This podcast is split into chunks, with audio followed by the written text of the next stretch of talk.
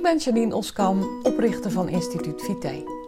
In mijn bedrijf help ik mensen om de vitaalste versie van zichzelf te worden en ik maak Vitale Praat, de podcast om jou inzichten te geven waarmee je eenvoudig en praktisch aan de slag kunt, zodat ook jij winst boekt op alle fronten.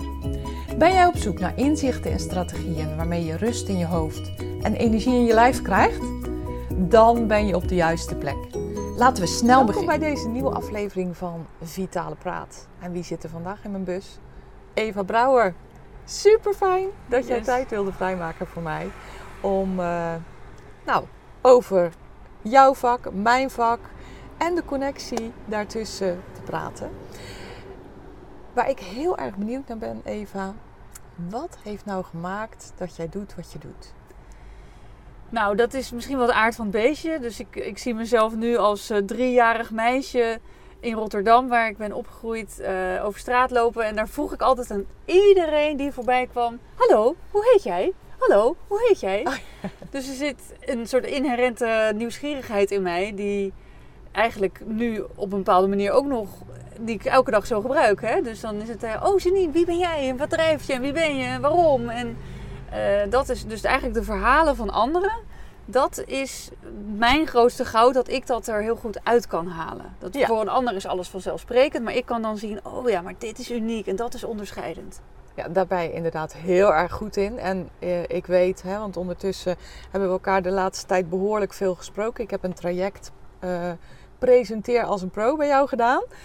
En jij komt vanuit de journalistiek via de televisie naar jouw bedrijf Pak je Podium, waar je mensen eigenlijk eh, hun eigen verhaal laat ontdekken en ze daarmee comfortabel maakt om zichtbaar te zijn. Ja. Zeg ik het zo goed? Ja, zo zeg je het goed. En inderdaad krijg je dus nu een soort mix van traditioneel televisie presenteren. Dus hoe doe je dat voor de camera? Eh, met eh, klassiek podium presenteren, want ik ben ook dagvoorzitter jarenlang geweest. Tegenwoordig spreker. En een soort mix van eh, social media. Hoe ga je daarmee om? Hoe gebruik je dat als een podium om jezelf te profileren? Want eigenlijk zeg ik, elke dag heb je de kans om je podium te pakken. Of het nou je vinger opsteken is in de vergadering, of ehm, solliciteren, of video's maken. Dus wat zijn de manieren waarop jij je kunt laten zien? Ja, en dat kan op heel veel manieren dan je ooit denkt. Heb ik de laatste tijd ook geleerd. Hè? Dan zegt Eva, Eva weer, ja, maar dit kan je nog laten zien en dat en dat. En dat je denkt, oh wauw, dat is ook zo. Want het is eigenlijk allemaal, ja, je moet het inderdaad zien. Hè? Maar, Dat is meer. Dus ik wil niet zeg maar dat jij alles ook moet. Nee, hè? Het is geen verplichting, maar het is meer bewustwording Ja. van dat content ligt eigenlijk op straat. Ja. Ja, ja. En eh, daar ga ik even een brug maken naar eh, mijn vakgebied, vitaliteit, eh, vitaal werken zelfs. Want doordat jij eigenlijk mensen meer in, in hun kracht zet, meer in verbinding met zichzelf laat zijn, vind ik dat jij heel erg bijdraagt aan de vitaliteit van die mensen. Hoe zie jij dat? Nou, ik ben onwijs blij dat jij mij dat perspectief geeft. Want dat was niet per se het eerste waar ik zelf aan had gedacht dat ik mensen zou geven. Maar ik denk wel dat als je bijvoorbeeld beter omgaat met bepaalde overtuigingen die je over jezelf hebt. En dat, is vaak bij het presenteren kom je dat gigantisch tegen. Hè, hoe je eruit ziet, of iets niet gek is, wat een ander ervan vindt. Dus als je daar al meer mee aan de slag gaat en beter mee omgaat, helpt dat in hoe je in het leven staat. Hoe je meer vrede kan hebben met jezelf in relatie tot wat zullen anderen daarvan denken. En ik denk ook dat heel veel werk wat mensen doen, vinden ze dan vanzelfsprekend. Van ja, wie ben ik nou? En dat is, wie zit daar nou op te wachten? Ben ik dan de expert? Dus het feit dat je daarin meer zeggenschap krijgt van... hé, hey, dit is mijn eilandje en ik mag hier wat van vinden. Dat geeft ook heel veel autonomie, heel veel zelfvertrouwen. En ik denk dat dat dus ook bijdraagt aan werkgeluk. Mhm, zeker. Het gaat over leiderschap. Hè, want durf jij je podium te pakken? Nee zeggen is ook grenzen aangeven, is ook een soort Ja. leiderschap tonen. Eh, voluit ja zeggen. Of, of zoals jij, lekker 50s op de foto. Daar is moed voor nodig en lol. En ook jezelf die toestemming geven om lol te trappen. Dus ja, eh, het- ik denk dat het meer raakvlakken heeft ons werk dan ik dacht. Ja, zeker waar, zeker waar. Dus, eh, nou ja, goed, fijn dat je hè, da- daar dan ook bewust van wordt. Hoe ik het zie is, ehm, op het moment dat je je podium pakt, word je ook heel erg geconfronteerd met jezelf. Zeker.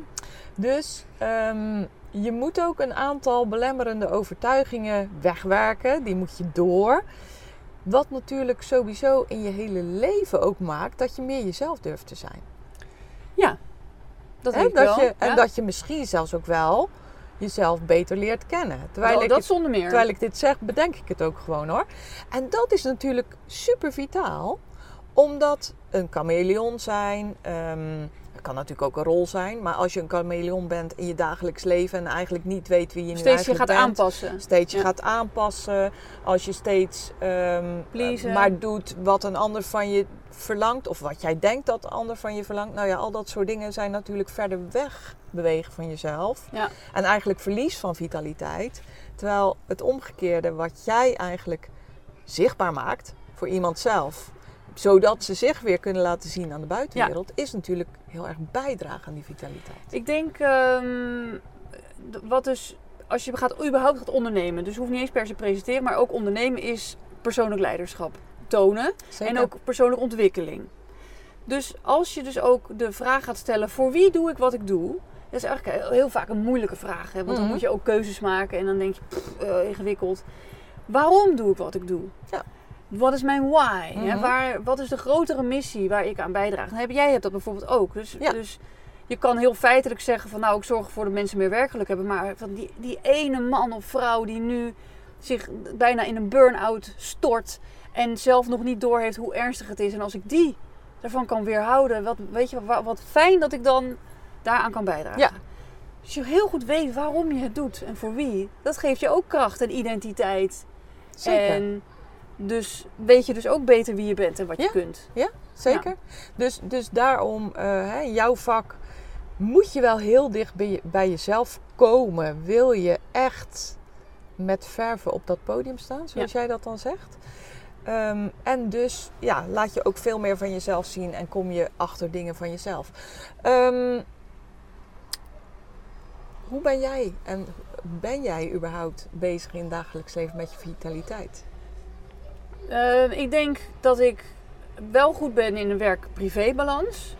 Dus eh, ik heb niet echt eh, ik kan, dus ik sta standaard kantoortijden of zo. En ik kan heel goed lummelen. Dus ik kan mega goed eh, mijn boek lezen, luieren, eh, naar de caravan, eh, naar de camping. Ja. Met mijn gezin dingen doen. Dus dat is niet een valkuil die ik heb dat ik alleen maar aan het werk ben nee, bijvoorbeeld. nee, nee. Ik, soms voel ik me dan wel schuldig erover. Hè? Dus dat, Daar ik zit doe het dan wel, stukje- maar dan soms voel ik me er schuldig. Dus dat denk ik van dat zou dan eigenlijk nog wat minder mogen. Ik denk, ik, ik, lichaamsbeweging gaat aardig. Ik zit op kickboksen. Dus ik eh, train, probeer zeker twee keer in de week. Maar, maar vaker haal ik ook trouwens helemaal niet. Ik ga Nee. nu niet tof lopen doen. Ik ga maximaal twee keer in de week kickboksen. Ja, ja. Soms yoga. En, ehm, maar eten, dat, daar, dat is niet zo gezond. Nee, want dat Nee. is iets. eh, nou ja, goed, weet je, het is ook persoonlijk. En eh, heel veel mensen denken dat vitaliteit voornamelijk draait om eten, drinken, bewegen. Dat is natuurlijk de basis. Dat is super belangrijk. Maar stel je voor, hè, je, je stopt alleen maar goud in je mond. Niet letterlijk, hè, maar gewoon hele goede dingen, gezonde dingen. En, je, en de stress komt je oren uit. Nou, dan kan ik je vertellen, dan kan je beter eerst aan die stress gaan werken. Want anders neem je het niet op, hè? Nee, oh, nou ja, d- dat niet alleen. Maar ehm, daar heb ik straks misschien nog wel een mooi verhaaltje over. Maar dat, dat, eh, dat weegt ook niet tegen Het elkaar ene op. is gewoon zoveel slechter Heel dan het veel andere slechter. goed is. Oké, ja. Dus, eh, Veel stress is zoveel verlies aan vitaliteit dat goed eten dat nooit kan compenseren. Ja. Terwijl dat natuurlijk wel zo wordt voorgedaan. Hè? Want als je maar gezond eet, eet je die appel tussendoor, dan zijn al je problemen weg. Maar, nee, maar dat, nu overdrijf ik. Maar dat wordt wel eens een beetje zo eh geëtaleerd. Maar daar ben ik het niet mee eens. Dus in die zin, ehm, ik denk dat jouw work-life balance, dat dat een van de belangrijkste dingen is om je vitaliteit goed te houden. De- En wil je dan nog een stap verder, dan zou je aan dat eten kunnen denken. Ja. Maar inderdaad, heb je veel stress, zit er sowieso veel stresshormoon in je lijf. En dat schopt heel veel aan de binnenkant in de war. Waardoor bijvoorbeeld je darmen slechter gaan werken. Iedereen kent het ook wel dat als je heel veel stress hebt, dat je wel eens moet rennen naar het toilet. Oh ja. Toch? nou, dat- ik heb geen stress, dus nee. Nee, weet nee. helemaal niks van. Maar, maar dan eh, zegt je lichaam, nou nu even niet verteren. Dat doen we de Ah, volgende ja. keer. Trek Ah. door en de boel komt eruit. Ah. Dat is echt heel eh, fysiologisch zo geregeld. Mm. Top, doet je lijf dat. Maar, ehm, en, en dan eh, komt het niet binnen, dan kan je net zo goed... ja. Is- sinds coronatijd, en daar ben ik ook niet echt mee gestopt, eet ik dus super vaak eh, pannenkoeken, kant-en-klare pannenkoeken met ge- ka- gesmolten kaas en rozijnen. Oh, ja. En eh, juist als ik dus heel, dan zit ik soms heel lang door te werken. En dan is het al twee uur, dan heb ik niet geluncht. En dan denk ik, nou, ik ga dan even snel wat eten. En dan grijp ik dus juist daarnaar. Ja. Dus dan ga je niet eh, een lekkere bak yoghurt met allerlei frutsels Nee. en fruit maken. Maar dan... Dan eh, komen Nee, die eh, weer, pannenkoeken ja. met die eh, kaas en rozijn. Ik vind hem wel creatief trouwens. Ja, of soms ook een aardbei op. Dat is super Oh, gezond. nee, maar dan. ja, ja, ja. Nee, maar goed. eh, kijk, af en toe iets verkeerds eten of iets ongezonds is juist gezond, hè? Ja, dat zeg jij. Ja, want dat is juist je, je lichaam uitdagen om flexibel te zijn. Oh ja, oh, nee, Maar- dat doe ik. Jij, jij laat het lichaam heel flexibel zijn. Ja, ja, ja. Hey, maar je zei net eh, iets interessants. Toen zei je van, eh, daar voel ik me overigens wel schuldig over. Ja. Wat maakt dan dat je je schuldig voelt? Ehm, nou, dan is het toch wel een soort gevoel van... eh, had ik nu inderdaad niet eigenlijk wel aan mijn bedrijf moeten werken? Of ehm, soms is het ook verstopgedrag, een soort struisvogelgedrag. Want dan moet je eigenlijk wel iets nuttigs doen... maar ga je lopen lummelen. Hè? Dus dat Mhm. is het ook. Dus dan denk ik, ja, ik had eigenlijk dit moeten voorbereiden of dat. En dan ga ik dus zogenaamd aan mijn vitaliteit werken, terwijl ik eigenlijk misschien iets nuttigers kan doen. Ja, uitstelgedrag. Uitstel, ja, Ja, dank ja, je, dat is het meer. Ja, dus dan ben ik natuurlijk niet heel trots op mezelf, zo van dat ik denk van, eh, wat ben ik nou lekker bezig. Maar over het algemeen, wa- waar ik, wat ik wel fijn vind, is dat ik ook wel geregeld even zelf naar een museum ga in mijn eentje, of, of de stad in, of, eh, maar dan ook iets creatiefs probeer te doen. En dat is dan juist wel, ehm, ja, dan, dan, dan ben ik echt een soort spons Ja. voor inspiratie. Dus Ja. dat vind ik wel heel goed. Ja. hey, Bram, ja, mooi bussen, jongen. Maar ben, je mij? ja, je bent toch Bram? Oké, ja, je bent, ik, ik ben de moeder van Rijk. Maar luister, we zijn even een filmpje aan het opnemen. Dus we, dus we gaan... Voor deze mevrouw, die heeft een eigen podcastkanaal. Dus jullie moeten ons heel even nog met rust laten, ja? Goed. Oké, mannen. Doeg. Kijken. Ja hoor, dat zeker. kan wel, maar dan heel stil. Joe. Er komen net twee hele schattige jongetjes voorbij op een Ja. fietsje. Ja. En die zien ons in het busje zitten terwijl we de podcast aan het opnemen zijn. Dus dat hoorden jullie even. Leuk hè? Maar, ehm, dag jongens. Doei. Nou, fiets maar even, want het, het leidt toch een beetje af. Dus ga maar even lekker een rondje fietsen. Yes? Doei. Ja, en ook dat gebeurt hè, als je met je busje midden in Amsterdam. Want eh, als je kijkt naar deze podcast, dan zie je ook dat ik nu niet... eh, meestal zoek ik een rustig plekje. Nou, dit is ook een rustig plekje, maar tot wel tot midden nu in was het Amsterdam. eh, heel rustig. Ja, ja, maar dan gebeuren dit soort dingen. We hebben ook wel eens mensen die langslopen en die dan helemaal zo langs dat busje gaan lopen en zo knikkend. Dus we maken het allemaal mee. Ja. Hè? Maar goed, ehm, ja, ik snap het. Dus dan voel je je schuldig en denk je van, oeh, misschien had ik even iets anders moeten doen. Ja. En ehm, als jij over het geheel kijkt, hè, jij, jij eh, ziet heel veel mensen die dus hun podium pakken.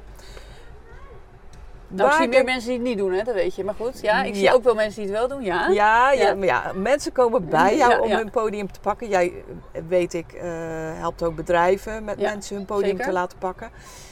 Wat valt jou dan op, ehm, met name in het stuk van jezelf kennen, op je plek zitten, ehm, belemmeringen rondom zichtbaar zijn. Wat valt jou daarin op?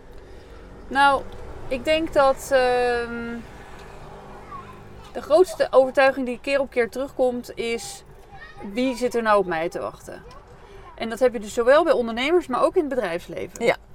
Dus wat ik in het bedrijfsleven zie, is dat medewerkers eigenlijk te veel hun perso- persoonlijkheid thuis laten. Dan is het in een groot, met name een grote organisatie, of dat nou een gemeente is of, of een bedrijf, is dat ehm, het lijkt alsof je zeg maar, bij de entree dan gewoon je hobby's en je, je, ja, je bijzonderheden eh, eh, achterlaat. Bij de dat deur achterlaat. Ja, en dat je een soort beige vlek dan vervolgens naar binnen gaat. ja, En- ja, ja. en niemand weet het van elkaar, dus dan geef ik trainingen. En dan blijkt de een is eh, Prins Carnaval eh, geweest, de andere is eh, Nederlands kampioen kunstrol schaatsen geweest. En allemaal dat soort geweldige dingen prestaties, maar ook misschien verdriet hè, in het leven. Niet, dat weet men niet van elkaar. Nee. Dus, maar zodra je zoiets weet, krijgt het ontzettend veel relief. Ja. Dus pas had ik iemand die is ICT'er en projectmanager. En die bleek een, ook een opleiding tot tuinarchitect te doen. Mm. Maar als je niet uitkijkt, wordt het een soort jambersverhaal. Van eh, overdag is ICT, maar s'nachts verandert zij in tuinarchitect. En dan alsof die andere kant er niet mag zijn. Ja, ja, ja, ja. En ik geloof Ja. dus in dat je dus dat juist, als je dat meer kan samenbrengen, noem het aligned, noem het holistisch, whatever. Maar als je dus die privé, CQ werkpersoon veel meer Ja. er mag laten zijn, dat voelt veel lekkerder. Ja. Ja. Dan, en, en, en dat is makkelijk, dat, nou ja, dat lijkt als je aan zo'n traject begint heel moeilijk. Van hoe kan je godsnaam die werelden samenbrengen. Ja. Maar hoe leuk zou het zijn als zij projecten zou managen en dan ook metaforen maakt uit de tuinwereld. Weet je wel? Zeker.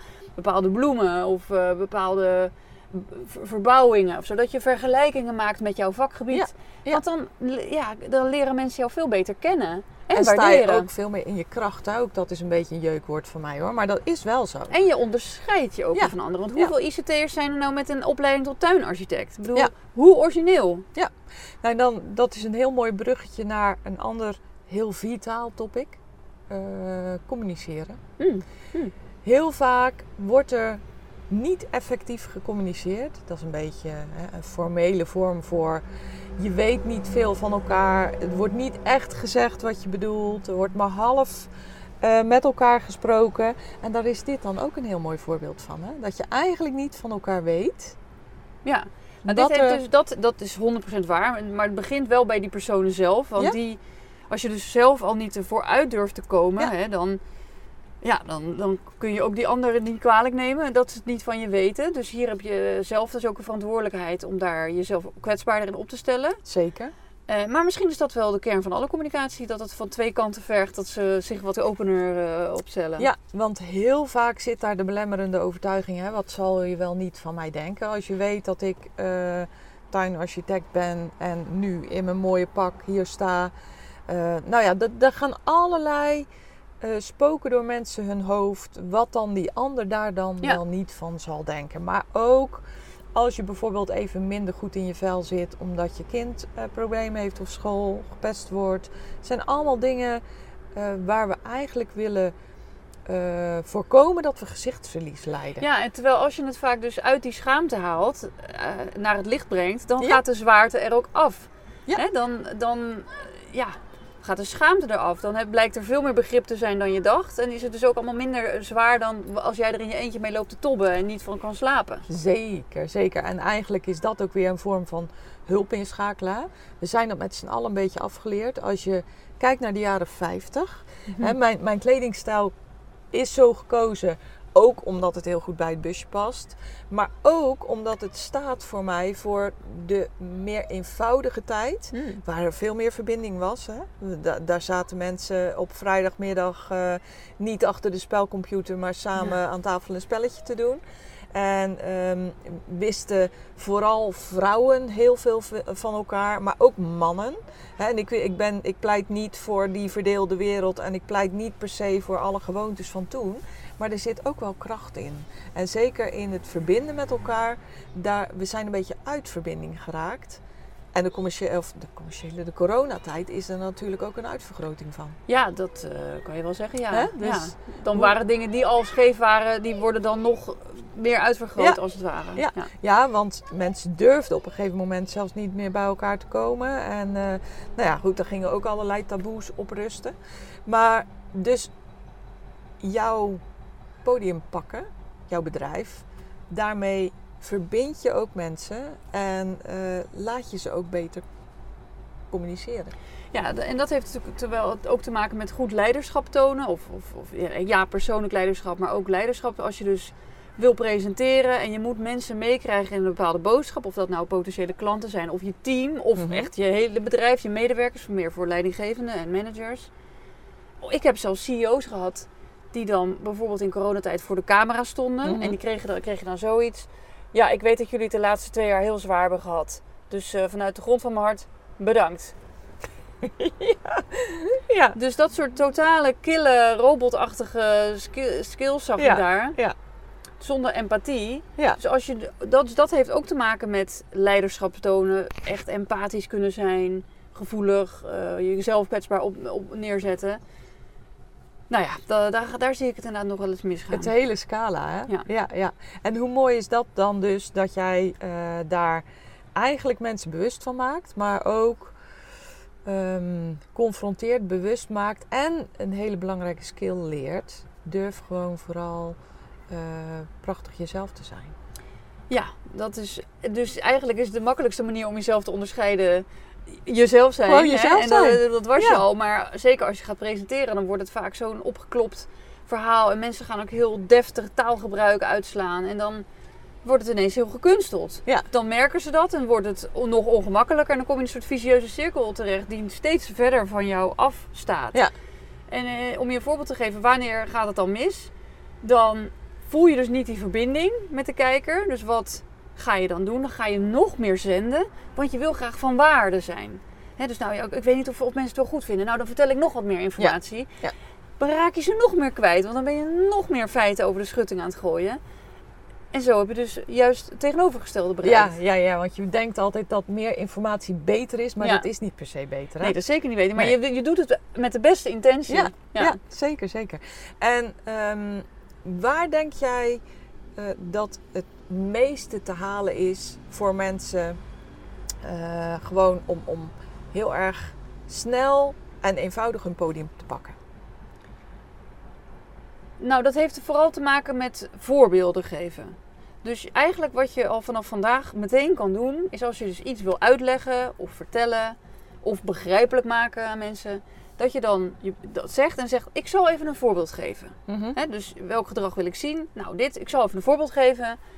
Als je je dat aanwendt, dat gaat zo ontzettend veel duidelijkheid opleveren bij jouw publiek. Want die heeft dan al meer een beeld voor zich van.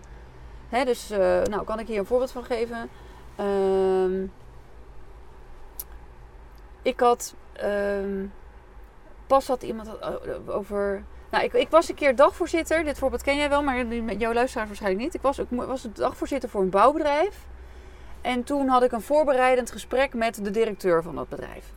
En was, hij had een heel strak in pak, een beetje begin 40, haar naar achter, een dikke klok. Hij had ook een beetje haast, dus hij keek zo een beetje, ja, ja. Dus Of de ja, klok? Ja. jij weet ook wel hoe het zit met de demografische ontwikkelingen. Dus ik dacht bij mezelf, demografische ontwikkeling, hij zal wel vergrijzing bedoelen. Mhm, mhm. Maar goed, ik dacht, ja, ik moet nog met hem samenwerken. Laat ik het toch maar even vragen. Dus ik zeg, welke demografische ontwikkelingen bedoel je? Waarop hij zegt, ja, eh, urbanisatie natuurlijk. Urbanisatie, verstedelijking. Oftewel, hij bedoelde vanuit zijn perspectief, vanuit een bouwbedrijf, hoe krijg ik mijn vrachtwagen met bakstenen van A naar B? Ja.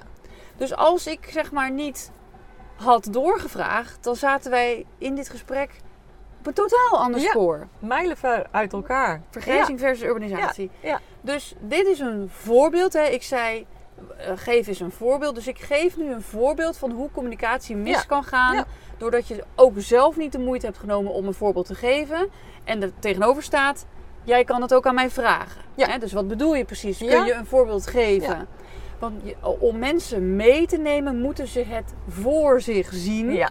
Ja. Hoe, hoe zorg je ervoor dat, ze, dat je dus een plaatje in hun hoofd schetst? Ja.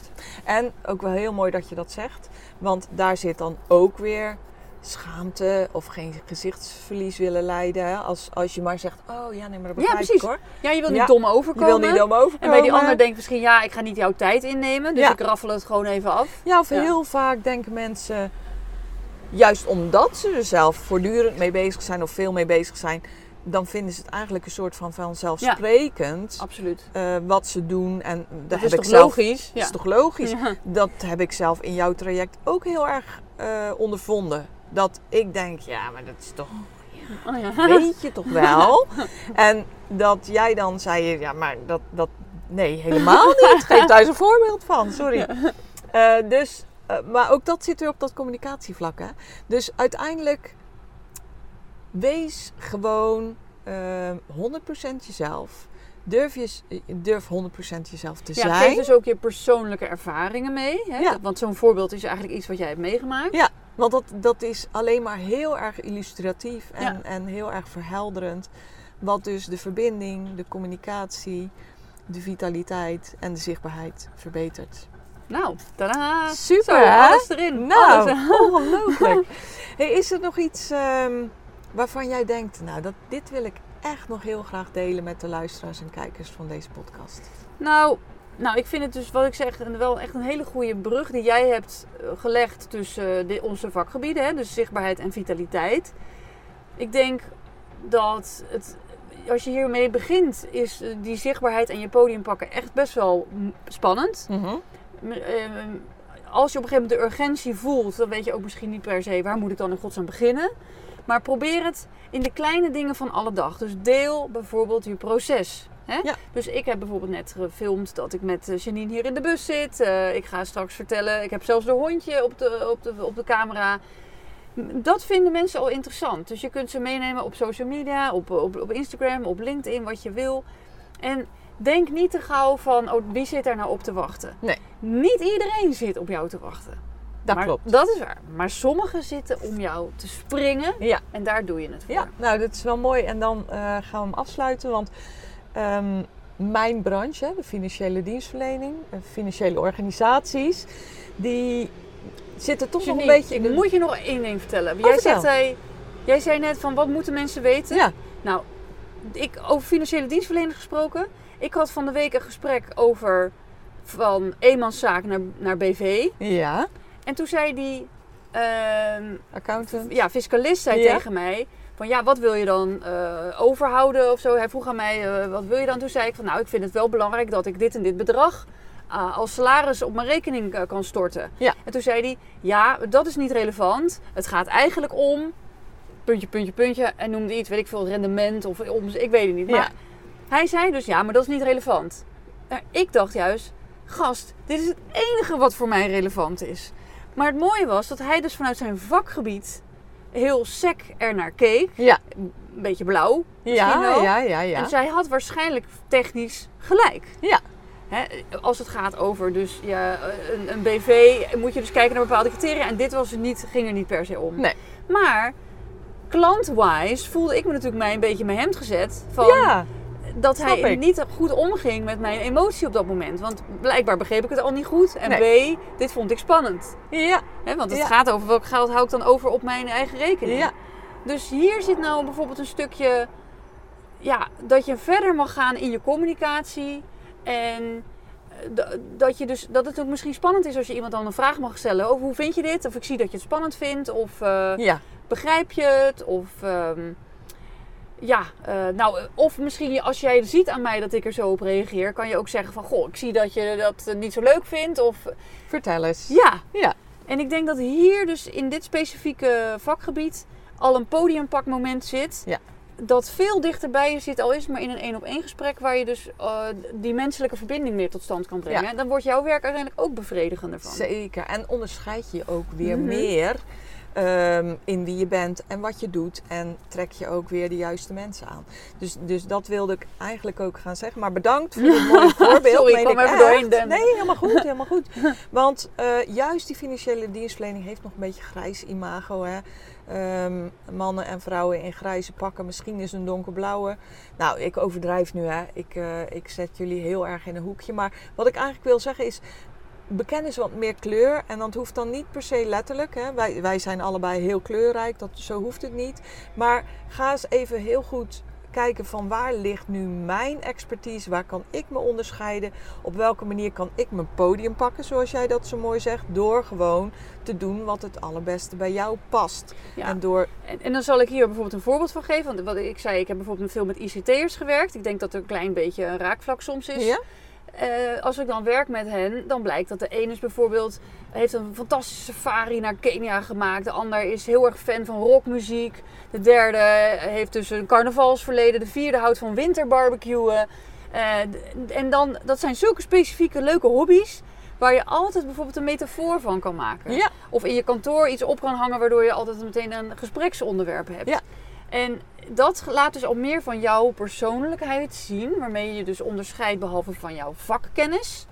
En ik denk dat dat een leuk spoor is om te gaan bewandelen van wat is dan jezelf zijn. Dat klinkt misschien als eh, open deur. Maar dat, kan, dat zijn voorbeeldjes hoe je dat ook kan uiten.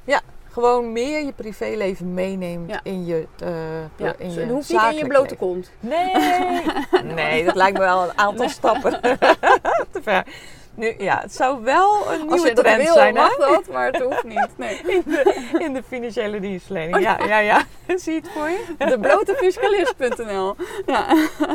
Uniek Ja, wel en een mooie niche. Wel Ja. een mooie niche, ja. Oké. Nou, is mooi om Ja. mee af te sluiten Ja, wat mij betreft. Ja, ja. Heel erg bedankt. Heel graag Heel gedaan. leuk om hier te zijn. En eh, nou, super bedankt dat je tijd wilde vrijmaken. Ja, dank dat ik in dit fantastische busje mocht zijn Ja. met jou. Dankjewel Ja. voor het leuke gesprek. Heel graag gedaan. Oké.